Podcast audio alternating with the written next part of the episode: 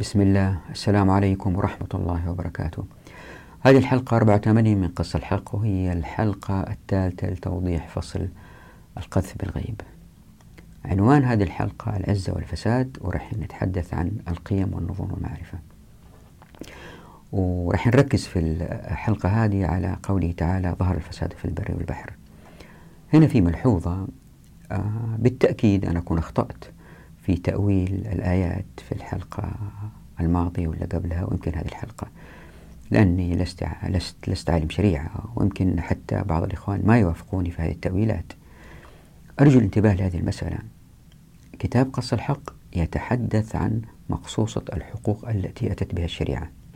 أنا سميتها مقصوصة حقوق لكن هي المنظومة الحقوقية إذا كان نبغى نستخدم التعبير الدارج. وما يعني نضع هذا العنوان للشريعة مخصوص الحقوق. فكتاب قص الحق يوضح كيف يمكن هذه المنظومة تشتغل هذه الأيام. يمكن أخطأت في مثل هذه التأويلات الآيات أو أخطأت في إحصائيات أو لأن الكتاب أخذ مني فوق 35 سنة حكتبه يمكن أكون أخطأت في أو معلومات تكون قديمة إحصائية تكون قديمة. هذا كله يجب ألا يؤثر على لب الموضوع. ألا وهو أنه كيف الشريعة تدفع الإنسانية إلى بيئة من غير تلوث ومن غير فساد الكل فيها عايش محترم سعيد من غير هضم حقوق للجميع. فبالتأكيد لأني أنا فرد ولأنه عقلي قاصر وهذا اللي بيقول في كتاب قص الحق أنه العقل البشري قاصر. بالتأكيد أنا سأخطئ لكن هذا يجب ألا يؤدي إلى أنه والله نرمي كل الكلام. لأنه بعض الفقهاء آه، بالذات اللي هم اشتغلوا مع السلاطين واحد عنده طرح كبير يمسكوا حاجة أخطأ فيها وينسفوا كل الباقي. أرجو ألا يقع هذا من البعض ويجب النظر للموضوع ككل. فيمكن بالتأكيد كثير ما حد يوافقني مثلا في هذه الحلقة لما أتكلم عن ظهر الفساد أوضح كلمة ظهر. يمكن الناس ما يفقوني على هذه المسألة لكن هذا يجب ألا يؤثر في الكل. والآن إلى الملخص. موضوع هذه الحلقة ابدأ من الصفحة 730 وهذه الحلقة استمرار للحلقتين السابقتين. في الحلقة الأولى تحدثنا عن ضرورة فشل الديمقراطية في إيجاد حل لمشكلة الحقوق بين الأجيال. ما سيؤدي للتلوث. في الحلقة الثانية تحدثت عن أن كل حركة في نظام حقوقي لا يحكم بالشريعة سيؤدي بالضرورة إلى التلوث. في هذه الحلقة نحاول الربط بين العزة والذل والفساد والتلوث يعني الأمم كيف ترتقي وكيف تهبط. فهنالك أمم قد تكون قوية لكنها تلوث البيئة مثل الصين الآن. وهناك أمم قد تكون منظمة مرتبة لكن من الناحية الأخلاقية بالنسبة لنا في نوع من التحلل الكبير مثل الدول الإسكندنافية. وفي دول زي اللي ساير في بعض الدول العربية الآن شعوبها مسالمين لكنهم في ذل شديد. فاللي تحاول تسويه هذه الحلقة بالنظر إلى القيم والنظم والمعرفة إيجاد وسيلة لفهم ما الذي يمكن أن يؤدي إلى عزة الأمم. فنبدأ بالسؤال أنه هنالك دول كالروم مثلا في السابق لم تحكم بما أنزل الله ومع ذلك لم تلوث البيئة سابقا. وهذا ضد اللي قلته في الحلقة السابقة أن الحكم بغير ما أنزل الله سيؤدي بالضرورة إلى التلوث. تأتي الإجابة من قوله تعالى أعوذ بالله من الشيطان الرجيم. ظهر الفساد في البر والبحر بما كسبت أيدي الناس. ليذيقهم بعض الذي عملوا لعلهم يرجعون. فنتدبر الآية ونركز على كسبت أيدي الناس. ووضح أنواع الكسب. وأنه الفساد سيأتي من تراكم أعمال أيدي الناس.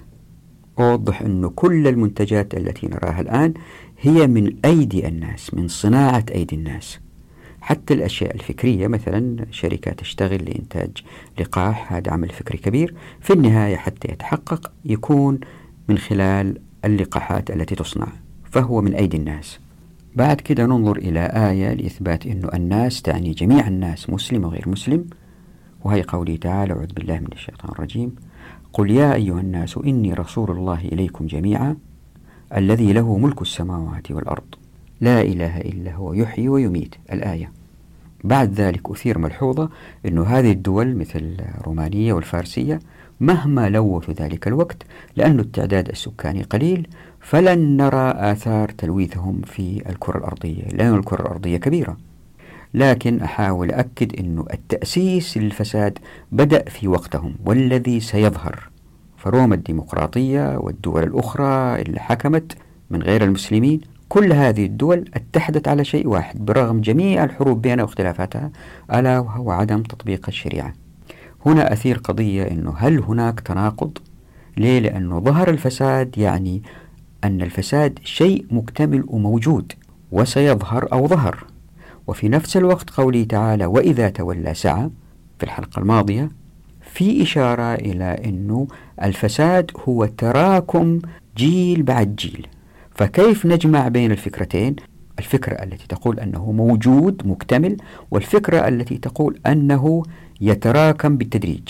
فحاول أقنعكم أنه الفساد يعني أيضا بالإضافة إلى الفساد الملموس من إفساد الحرث والنسل أيضا هو الحكم بغير الشريعة. فهؤلاء السابقون كالفرس والروم كانوا فاسدين ويفسدون لأن الفساد كان موجود ومكتمل ألا وهو الحكم بغير ما أنزل الله. لكن آثار هذا ظهرت بالتدريج فالظهور تراكمي لشيء مكتمل. وحتى تقتنعوا لابد من مشاهدة الحلقة لأنه في هذا الملخص يستحيل توضيح كل شيء وإلا بالتالي كأني أعدت الحلقة هنا بالكامل في هذا الملخص. بعد النقد لهذه الدول التي لم تحكم بالشريعة أثير مسألة نقد الدول الإسلامية مثل الأمويين ولا بعدهم اللي ما حكموا بالإسلام في كل مسائل مقصوصة الحقوق. فأبين أنه هذه الدول كانت قوية وكان في تكافل اجتماعي كبير لكن كان يمكن تكون أقوى بكثير إن حكمت بمقصوصة الحقوق. فمثلا عبد الله بن عمر كان عايش عندما تولى يزيد بن معاوية الحكم. فتخيلوا ما الذي كان يحدث إن حكم عبد الله بن عمر رضي الله عنه وأرضاه. فأثير هنا أنه لماذا يا جميل تنتقد هذه الدول برغم ما وصلت إليه من قوة وعزة؟ هنا أبين ثلاث أفكار. ألا وهي القيم والنظم والمعرفة. وهذه كنت فرقت بينها سابقا القيم والحركيات. عندما أقول النظم أقصد فيها الحركيات الحقوقية. هذا في العالم الإسلامي واللي أعطيناها اسم واضح هو مقصوصة الحقوق. في العالم الغير الإسلامي نقول نظم حقوقية. وهنا في توضيح مهم أستخدم كلمة الاتزان. فعندما أقول الاتزان مع تطبيق مقصوصة الحقوق لأن مقصوصة الحقوق سامية جدا تسحب معها قيم الناس فتسمو قيم الناس وعندها تنطلق المعرفة. فالنظر إلى هذه الثلاثة القيم والنظم اللي هي النظم الحقوقية واللي هي في الشريعة مقصوصة الحقوق والمعرفة إن نظرنا إلى هذه الثلاثة الأشياء كيف تشتغل في المجتمعات نجد أنها هي التي تسحب المجتمعات للأعلى والعزة أو للتدني والحضيض. بعد كده أعطي أمثلة من الحضارات المختلفة لتوضيح هذا الاتزان أو هذا الخلل في الاتزان. فمثلا قصر الحمراء برغم أنه مبنى في فن إبداعي عالي يشير إلى تقدم معرفي كبير إلا أن المسلمين في ذلك الوقت كانوا أذلاء وطردوا من ديارهم. مثال آخر على ذلك بناء المساجد. فمثلا هؤلاء الذين سكنوا في القصور سابقا وحاليا هم ليسوا ناس أسوياء لأنهم يروا أنهم يستأثرون بالأموال التي هي حق للناس التي هي أموال فيء لبناء قصورهم الفارهة. طبعا يحق الإنسان أنه يسكن في قصر فارغ إن كان هو جمع الأموال ولكن ليس بأموال الأمة. يعني ما أبغاكم تفهموا من هذا العرض أنه الإسلام آه، يؤدي للاشتراكية لا الإسلام شيء آخر تماما عن الاشتراكية. فهذه المآثر التي نراها مثل تاج محل مثل المدينة المدورة بغداد مثل قصر الحمراء مثل هذه المساجد التي نراها في مثلا القاهرة بين باب زويلة وباب الفتوح. كل هذه مؤشرات برغم أنها سامية معرفيا هي مؤشرات على انسحاب الأمة بالتدريج للذل. لكن هذا لا يعني أبدا أنه نعيش في مباني مكركبة. هذه وضحتها في حلقات ماضية في الحديث عن العمران هل هو وسيلة أو غاية؟ فلب هذه الحلقة هو لفت النظر للعلاقة بين القيم والنظم والمعرفة وكيف تأثر في الحضارات وكيف أن الشريعة الإسلامية بتطبيق مقصوصة الحقوق تسحب القيم لتسمو وتنطلق المعرفة وبالتالي المجتمع المسلم على أبد الدهر دائما يكون في أعز وضع ممكن بين جميع الأمم. وهذا لم يحدث مع الأسف لأن الحكام السابقين معظمهم خرجوا عن مقصوصة الحقوق إلى نظم مشابهة لباقي الدول. ولأن قيم المسلمين كانت عالية تمكنت هذه الدول من الانتصار على الشعوب الأخرى كما حدث في العصر الأموي. متابعة هذه الحلقة مهمة حتى نفهم الحلقات القادمة التي تنتقد النظم الديمقراطية والرأسمالية والتي أنتجها العقل البشري القاصر. والآن إلى التوضيح. إذا تتذكروا في الحلقة قبل الماضية كنت ركزت على أن الديمقراطية لن تستطيع السير بالكرة الأرضية لأجيال من غير تلويث لأن كل جيل بيسلم الكرة الأرضية للجيل اللي بعده هو شوية أكثر تلويث وبالتالي عبر مئات السنين يتراكم التلويث بالذات في حالة التعداد السكاني الحالي زاد عن سبعة مليارات والتقنية الحديثة والرأسمالية التي تصنع و تزيد في الاستهلاك. في الحلقة الماضية ركزت على قوله تعالى وإذا تولى وبينت أنه إن لم يكن الحكم بالشريعة فإنه كل تحركات البشر تدعم النظام الحالي الذي سيسحب الكرة الأرضية للفساد. وهذا الذي حاولت الآية توضح أعوذ بالله من الشيطان الرجيم. وإذا تولى سعى في الأرض ليفسد فيها ويهلك الحرث والنسل. والله لا يحب الفساد. الآن نبغى نثير سؤال من هذه الآية. يربط العزة بالفساد. أول سؤال يظهر على البال. طب أنت بتقول يا جميل إنه إلا ما يحكم بشرع الله سيسحب الكرة الأرضية للتلوث. طب كانت في دول كبيرة لم تحكم بما أنزل الله وكانت قوية جدا مثل الروم والفرس. هؤلاء لم يفسدوا في الكرة الأرضية. فالقياصر الروس حكموا لمئات السنين والروم حكموا آلاف السنين. فلم نلمس من تلك الدول أي تلويث على الأرض برغم أنها حكمت بغير ما أنزل الله. الإجابة والله أعلم تأتي من قوله تعالى أعوذ بالله من الشيطان الرجيم في سورة الروم. ظهر الفساد في البر والبحر بما كسبت أيدي الناس ليذيقهم بعض الذي عملوا لعلهم يرجعون. إذا تدبرنا الآية نجد أن فيها إثبات لما سبق بأن كل حركة بتول عن شرع الله ستؤدي للإفساد هذا اللي حاول أشرحه في هذه الحلقة. كيف؟ الآية تقول ظهر يعني أن الفساد كان موجود ولا يرى ثم ظهر. هذا التفسير الأولي لمعنى ظهر. كيف؟ أعتقد أن الآية كانت دقيقة في وصف ما سيحدث. فالفساد سيظهر في كل من البر والبحر أي في كل مكان بتراكم ما ستكسبه أيدي الناس. وهنا نلحظ من قوله تعالى كسبت أيدي الناس. تعبير دقيق عن التراكم جيل بعد جيل لكل حركات الناس. كمان كيف؟ الكسب كما هو معلوم للجميع قد يأخذ ثلاثة معاني متقاربة. المعنى الأول شخص اشتغل يوم بيوم شهر بشهر ويأخذ راتب وينفقه. هو أجير. المعنى الثاني هو أنه شخص يتاجر بالمال اللي عنده آه يفتح مصنع يفتح يعني عنده رأس مال ويعظم رأس ماله هذا وبالتالي يكسب. المعنى الثالث هو أنه شخص آه يستخرج معادن شخص يصيد سمك شخص يأخذ من موارد الطبيعة. الآن إذا نلحظ أنه الثلاثة هذه حتى الإنتاج الفكري الشخص اللي ينتج فكريا لابد أنه يوصل هذه الفكرة بطريقة أو بأخرى للآخرين فيجب أن يعمل.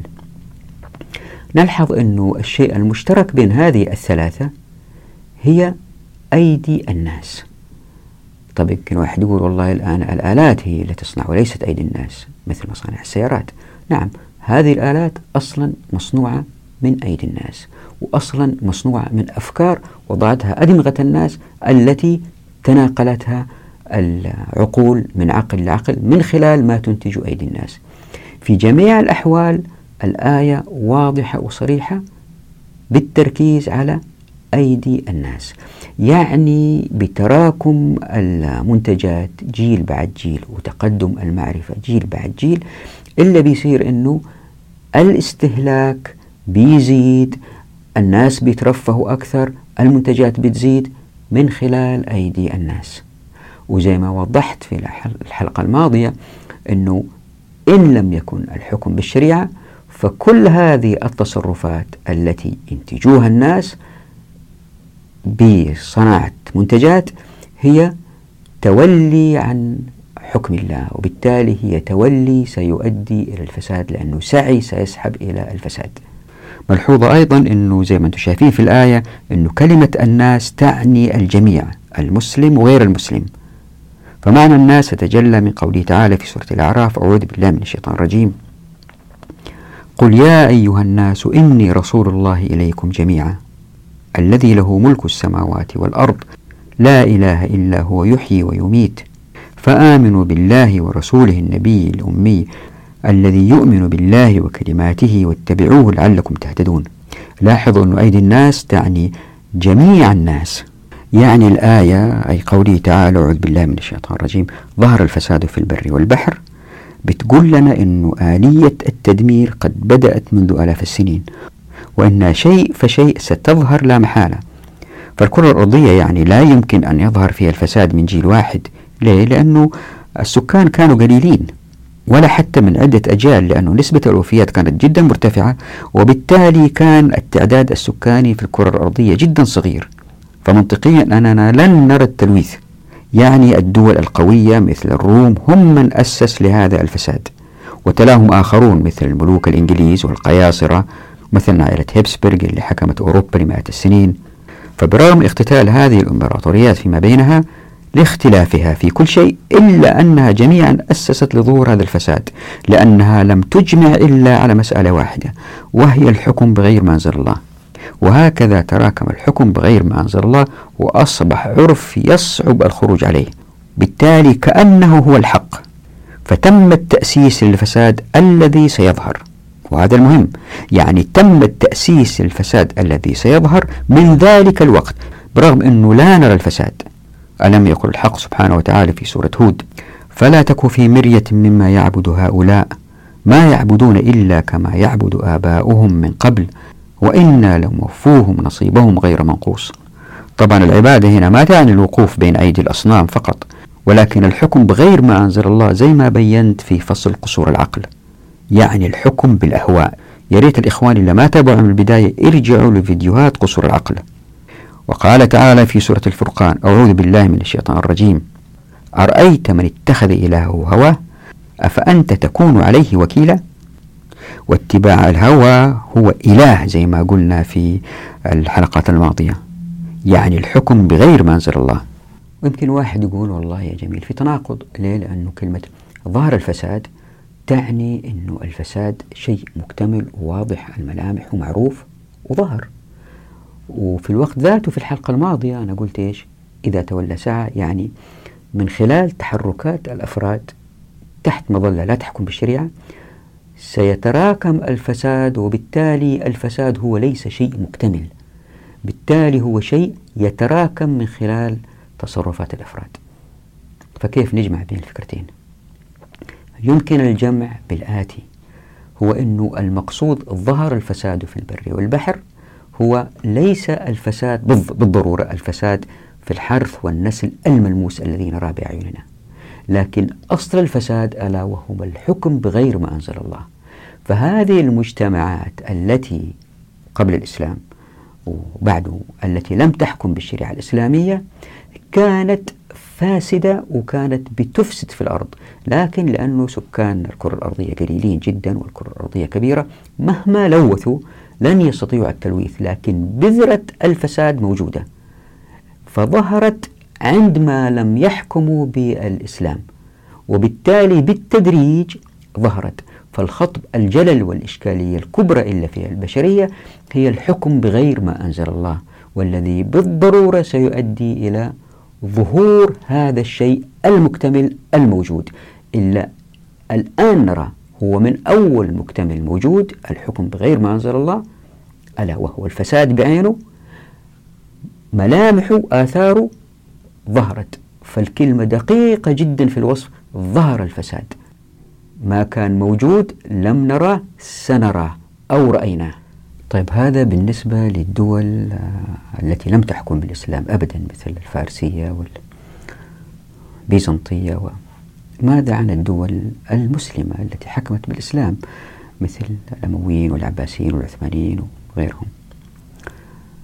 ولامني أحد الزملاء أنه في الحلقات الماضية في الحلقات الأخيرة من فصل الديوان كان في نقد على الدولة الأموية في في الحديث عن البيروقراطية في الحديث عن الاشتراكية. الجواب هو كالآتي. صحيح الواحد لازم يعترف. أنه هو قدر الله والله أعلم يعني ما لا أريد الدخول في هذه في هذا الخط الحديث عن القدر ونتحدث عن الحركيات بس. آه الدول هذه كانت جدا قوية يعني الدولة الأموية حكمت من الصين إلى أوروبا. العلماء الأفذاذ ظهروا في الدولة الأموية والعباسية الأئمة الأربعة. الأوقاف غطت معظم الأشياء مثلا تصوروا كان في وقف اسمه وقف الزبادي. إذا الخادم كسر الزبدية آه عشان ما يخانقوا سيده يروح يشتري زبدية بدالها ويجيبها. كان في وقف لبغلة الإمام للأزهر.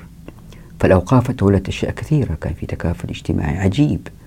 ناهيكم عن القوة العسكرية الشديدة لما صاحت تلك الإمرأة ومعتصماه. ماذا فعل المعتصم؟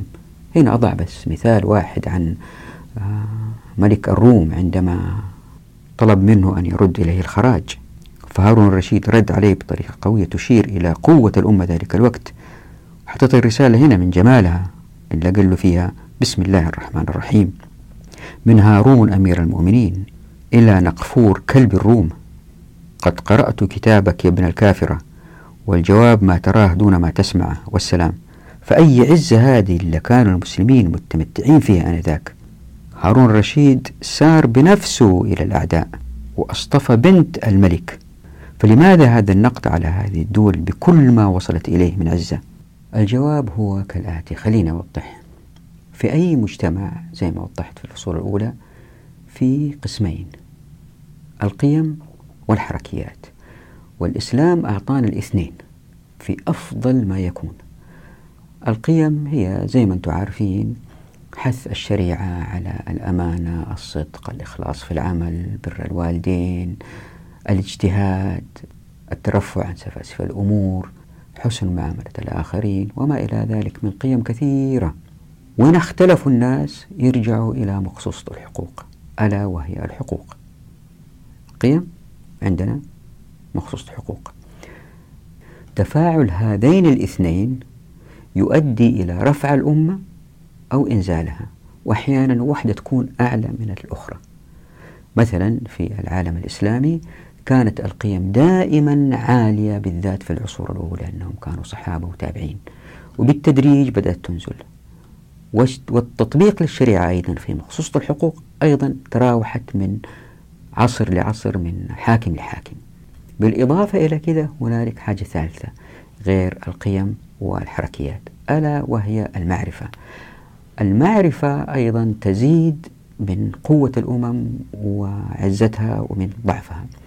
وهي مسألة نسبية يعني كانت في الغالب بين شعوب الكرة الأرضية متقاربة في حقبة زمنية معينة. مثلا أيام الرسول وبعده صلى الله عليه وسلم كانوا يستخدموا السيوف السهام.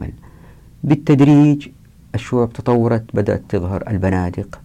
معظم شعوب الأرض كانت تستخدمها بالتدريج ظهرت الدبابات طبعا في العصر الحالي معظم الدول تملك معظم الأسلحة بطريقة متشابهة. ما عدا شوية دول تملك صواريخ عبرة القارات روس نووية وما إلى ذلك. ففي نوع من التقارب التقني بين الدول والمعرفة مشاعة إلى حد كبير إن لم تكن سرية جدا مثل الرياضيات الفيزياء الكيمياء الأحياء يعني الشعوب كلها تستطيع أن تستقي من هذه العلوم تتطور تصنيعيا بدليل أنه الدول اللي كانت متخلفة فجأة بدأت تتقدم مثل الصين مثل الهند ماليزيا بالصناعات التقنية. فالمعرفة متاحة إن لم إذا استثنينا القوة النووية. تفاعل هذه الثلاثة هي التي تساعد على تساعد الأمم. من العزة إلى الذل. وضعت هنا في الشاشة تحت الحرف دال ملحوظة يا ريتكم تقروها بس حتى ما نخرج عن الموضوع لن أقرأها. وطبعا بالتأكيد شركة مثل أبل اللي تحتكر نوع من المعرفة تكون شركة قوية جدا وثرية جدا وتؤدي إلى ثراء الاقتصاد الأمريكي زي ما هو واضح.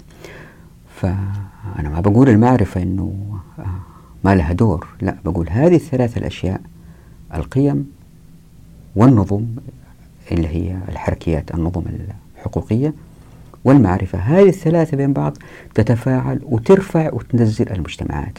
لكن في السابق أن المجتمعات كانت أو الحضارات تغزو بعض وتتحارب كانوا متقاربين جدا في التقنية العسكرية. وبالتالي الشعوب التي كانت في القيم أعلى وفي حقوقها أعلى تمكنت من السيطرة على الشعوب الأخرى. مثل ما حدث في عصر الخلفاء. لكن الذي حدث في العصر الأموي ولأنه الصحابة والتابعين كانوا موجودين وبرغم خروج الدولة الأموية في عهد الحجاج مثلا عن مقصوصة الحقوق إلى نظام مالي مختلف فرض ضرائب زي ما شفنا الحلقة الماضية برغم أنه الحقوق نزلت شوية لكن لا زال لأن القيم جدا عالية تمكنت الدولة الأموية من هذه الفتوح. فاللي بحاول أقوله أنه ما تمكن الأمويين مما فعلوا لأنهم هم نوابغ. مش الأمويين نوابغ وإداريين أفذاذ لا.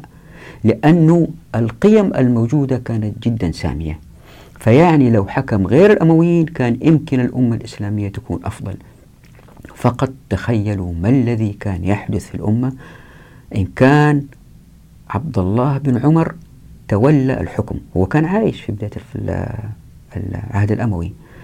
تصوروا ما الذي كان يحدث إن كان هو حكم. وبالتأكيد هو لن يورث الحكم لابنه. لكانت الأمة في وضع مختلف جدا تماما. لكن هذا ما حدث. لم يقع هذا. مع ذلك بقيت الأمة عزيزة. ليه؟ لأنه من الثلاثة هذه المعرفة كانت نسبيا متقاربة ذلك الوقت. بين الأمم حقوقيا طبقوا بعض الحقوق وليس كلها لكن القيم كانت جدا عالية. فالتفاعل بين هذه الثلاثة يرفع وينزل الأمم. وهذا مشاهد جدا مثلا الاتحاد السوفيتي آه لاعبينه كانوا يأخذوا الميداليات الذهبية في كل شيء يحصلوا حصد لكن سقطت. فتستطيع الدولة من خلال توجه معين بالتركيز على المعرفة مثلا أو إنجاز معين تستطيع أن ترتقي في مجال معين لكن ليس بالضرورة كل المجالات. والإسلام يؤدي بتفاعل هذه الثلاثة إلى أمة عزيزة على طول التاريخ. ما هي متذبذبة طالعة نازلة طالعة نازلة لا مش كما حدث من الأمويين إلى عصرنا الحالي. تصعد تنزل تصعد تنزل. ما في الكلام ده إن كان طبقنا الشريعة. تبقى على أبد الدهر في أقوى ما يكون لأنه تؤدي إلى أن الثلاثة هذه تكون دائما في أعلى ما يكون لأنه إن طبقنا بالشريعة في مخصوصة الحقوق تبقى القيم دائما سامية والمعرفة دائما تنطلق فالأساس هو مخصوصة الحقوق التي إن طبقت تؤدي وهذه إن شاء الله راح أثبتها أنه القيم دائما تكون عالية وتستمر عالية لكن إن لم تطبق مخصوصة الحقوق زي ما هو ساير مثلا في الدول الاشتراكية. إلا صار في الدول الاشتراكية لأنهم آه كل قرار كان مركزي والناس ما يملكوا شيء ظهر نوع من التبلد في المجتمع واستشرى وصارت المجتمع بليد جدا وبالتالي سقط زي ما سقط الاتحاد السوفيتي. فقد تتقدم التقنية التصنيعية في مجال لكن الأمة تسقط. فليس آآ آآ يعني اللي يسوي السيسي الأيام هذه بيبني بيبني بيبني. هو بيدمر المجتمع لأنه بيسحب الأموال من جهة بيحطها في جهة ثانية. جمال عبد الناصر مثلا بنى السد العالي مشروع كبير لكن الاقتصاد بينهار في عهده. لا يقارن بالملكية اللي كانت قبله. لكن هذا لا يعني أن الملكية جيدة في أيام فاروق. فالمسألة دائما يجب أن ننظر لها بطريقة نسبية بين الحضارات في الاتزان بين هذه الثلاث الأشياء ألا وهي القيم والنظم والمعرفة والشريعة بفتحها لأبواب التمكين في الموارد والموافقات والمعرفة تؤدي إلى أن هذه الثلاثة دائما تكون في أعلى ما يكون. وهذا موضوع كتاب قص الحق في الحلقات القادمة إن شاء الله والفصول القادمة. ويمكن من المفارقات المؤلمة والمؤسفة ما نراه بأعيننا هذه الأيام من قصور فخمة ومساجد مزينة مزخرفة. هذه المنشآت ما هي إلا تجسيد للخروج عن مقصوصة الحقوق. ليه؟ لأنه كان في اتزان المفروض يكون في اتزان بين النظم والقيم والمعرفة تتطور.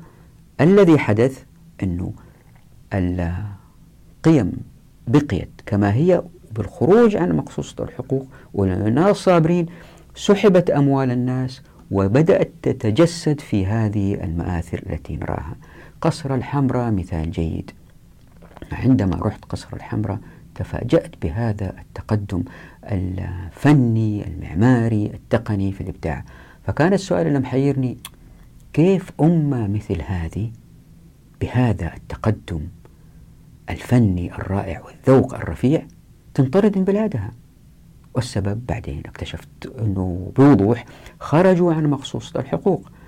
كانت دويلات في الأندلس. كل أسرة تحكم منطقة تسحب الأموال من الناس. الناس ضعفوا لم يستطيعوا الاستثمار من المزيد لم يستطيعوا دعم الآلة العسكرية التي تحتاجها هذه الدولة لأن أساسا مفتتة صغيرة ولأنها لم تكن بذات القوة مثل الأعداء فبالتالي طردوا. والسبب أنهم خرجوا عن مخصوصة الحقوق وأصبحوا دويلات كل دولة تحكمها أسرة.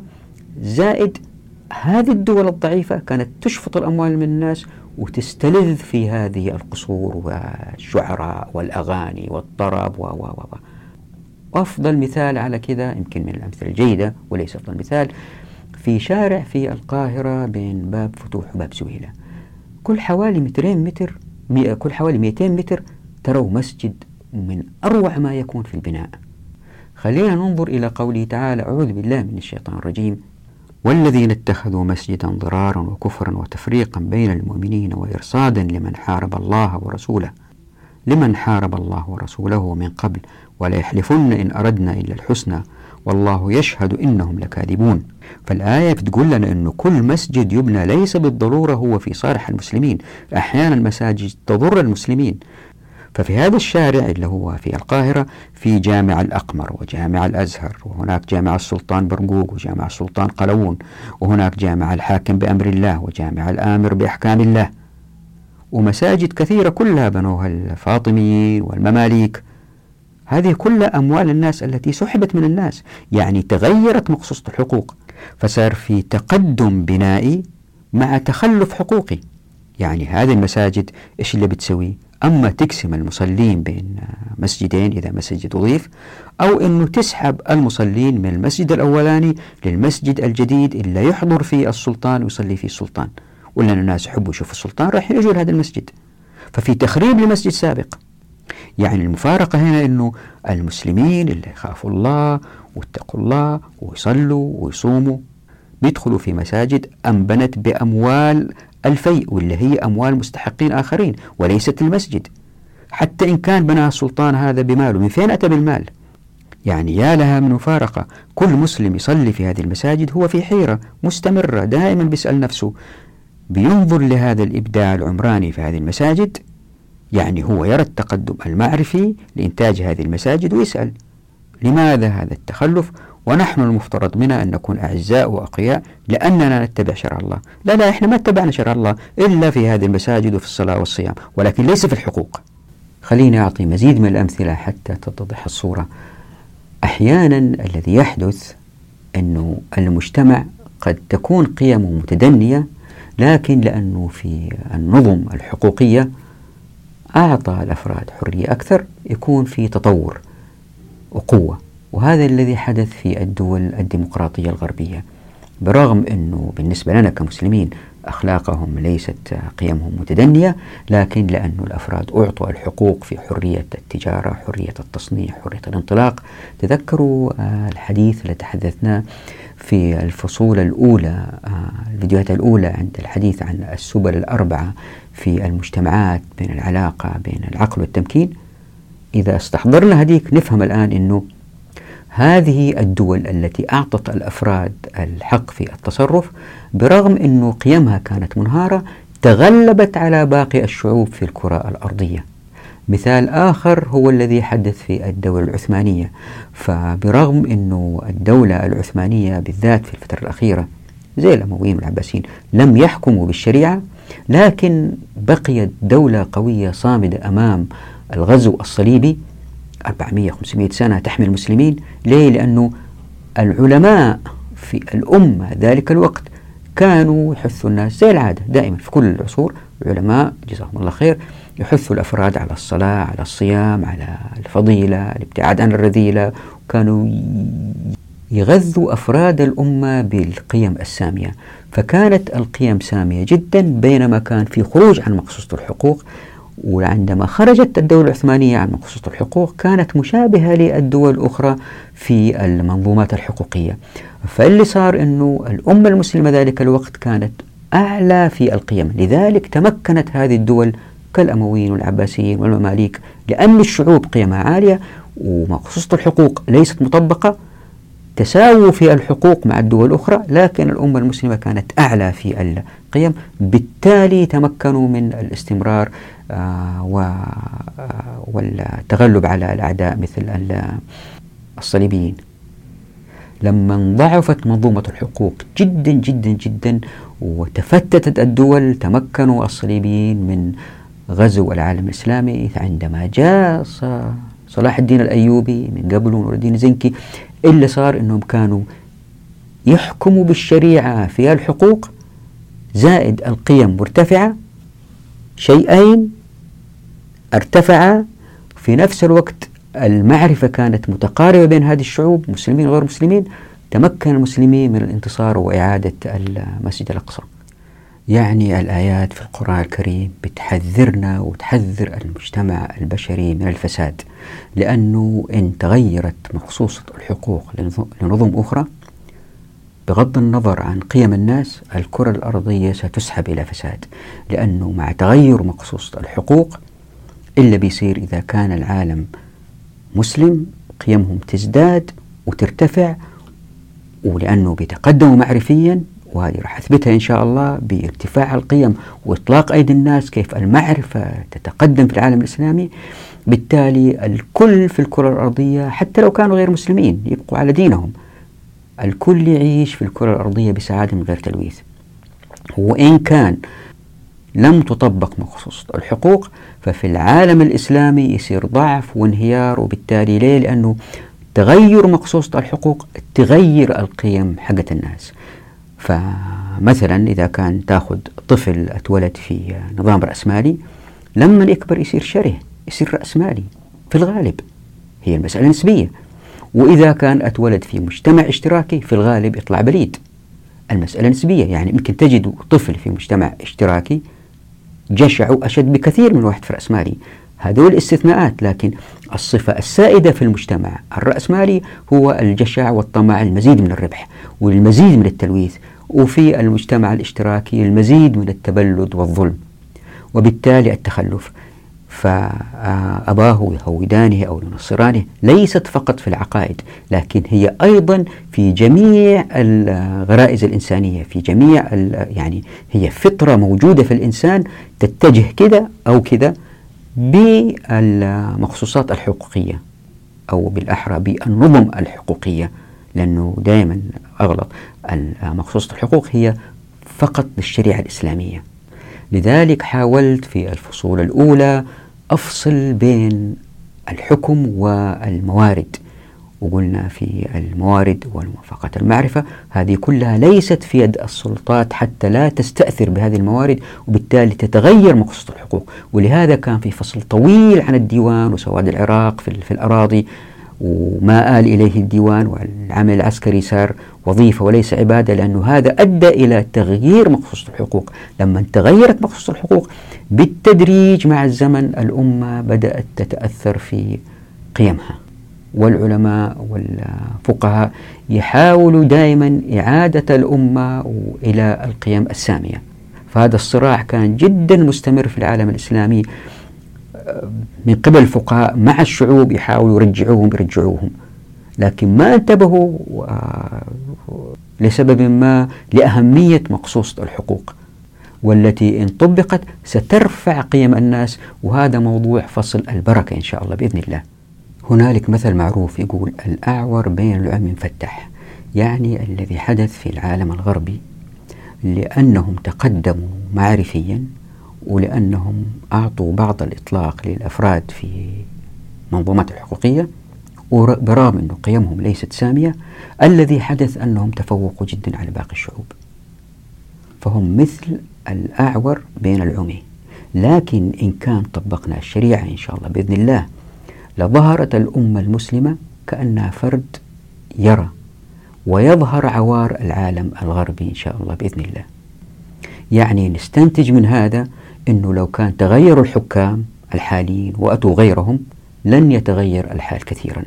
حتى لو كان حاكم رباني يخاف الله وحتى إن لم يورث الحكم لابنه فكيف راح يحكموا أما بالديمقراطية أو بأنظمة تشابه الدول الغربية. وبالتالي نتساوى مع باقي الدول في آه، المنظومات الحقوقية. ولأن قيم المسلمين نوعا ما أعلى بالتالي سيتغلب المسلمين عليهم. لكن الذي يحدث هو أن الكرة الأرضية ستتلوث. ليه؟ لأن المنظومات هذه التي غير الشريعة ستؤدي بالضرورة إلى تلويث الكرة الأرضية. فالمقولة من بعض الباحثين أنه الدين الإسلامي غير صالح لكل زمان ومكان بدعوى أنه الناس الآن اختلفوا وليس كعهد الرسول صلى الله عليه وسلم أقول الآتي. لأنه مقصوصة الحقوق لم تطبق الإفراز هو لأفراد بهذه المواصفات. لكن إن طبقنا المواصفات السيئة لكن إن طبقنا مقصوصة الحقوق سترتفع قيم الناس وبالتالي عندنا قيم مرتفعة عندنا مقصوصة حقوق أتت من الشريعة ولأننا إن شاء الله متقاربين في المعرفة والمعرفة تتقدم عند المسلمين بالتالي الذي سيحدث ظهور أمة قوية عزيزة. وهذا ما تريده الشريعة. لذلك فصل المكوس وهو الفصل القادم فصل ينتقد بشدة العلماء المعاصرين اللي بيحاولوا من منظورهم يطوروا الإسلام ويضعوه في دساتير يضعوه في أنظمة وقوانين متأثرة بالعالم الغربي بحجة أنه الإسلام قابل للتطوير وما في مشكلة يعني بالاجتهاد نطور. لذلك أنتقد في الفصل القادم المسائل هذه مثل السياسة الشرعية ومثل سيأتي تفصيلها إن شاء الله اللي حب ينظر العناوين في فصل المكوس. نقد شديد على هؤلاء العلماء الذين يريدون تطوير الشريعة من خلال تغيير مخصوصة الحقوق. ويمكن واحد يقول أنت يا جميل بتتكلم من آيات قرآنية وليس واقع عملي. الحلقات القادمة إن شاء الله ستركز على الواقع العملي وما راح ألجأ إن شاء الله للقرآن الكريم والسنة النبوية لدحض الوضع اللي هم بينادوا فيه أنه لابد من إعادة النظر في مقصوصة الحقوق وأنه النظام الغربي سينقذ العالم كله من الفساد القادم متمثل في التلوث. لأني إن شاء الله بإذن الله في معظم ما سأقوله في الحلقة القادمة يكون التركيز على الحركيات وليس على القيم. فقط في فصل البركة نتحدث عن القيم. فالحلقات القادمة تؤكد قوله تعالى أعوذ بالله من الشيطان الرجيم. وإذا تولى سعى في الأرض ليفسد فيها ويهلك الحرث والنسل والله لا يحب الفساد. وقوله تعالى ولو اتبع الحق أهواءهم لفسدت السماوات والأرض من فيهن بل أتيناهم بذكرهم فهم عن ذكرهم معرضون. فكيف يكون الإفساد بالأرض إلا بالقذف بالغيب من مكان بعيد؟ نقف هنا نراكم إن شاء الله في الحلقة القادمة. بعنوان القذف بالغيب. دعواتكم.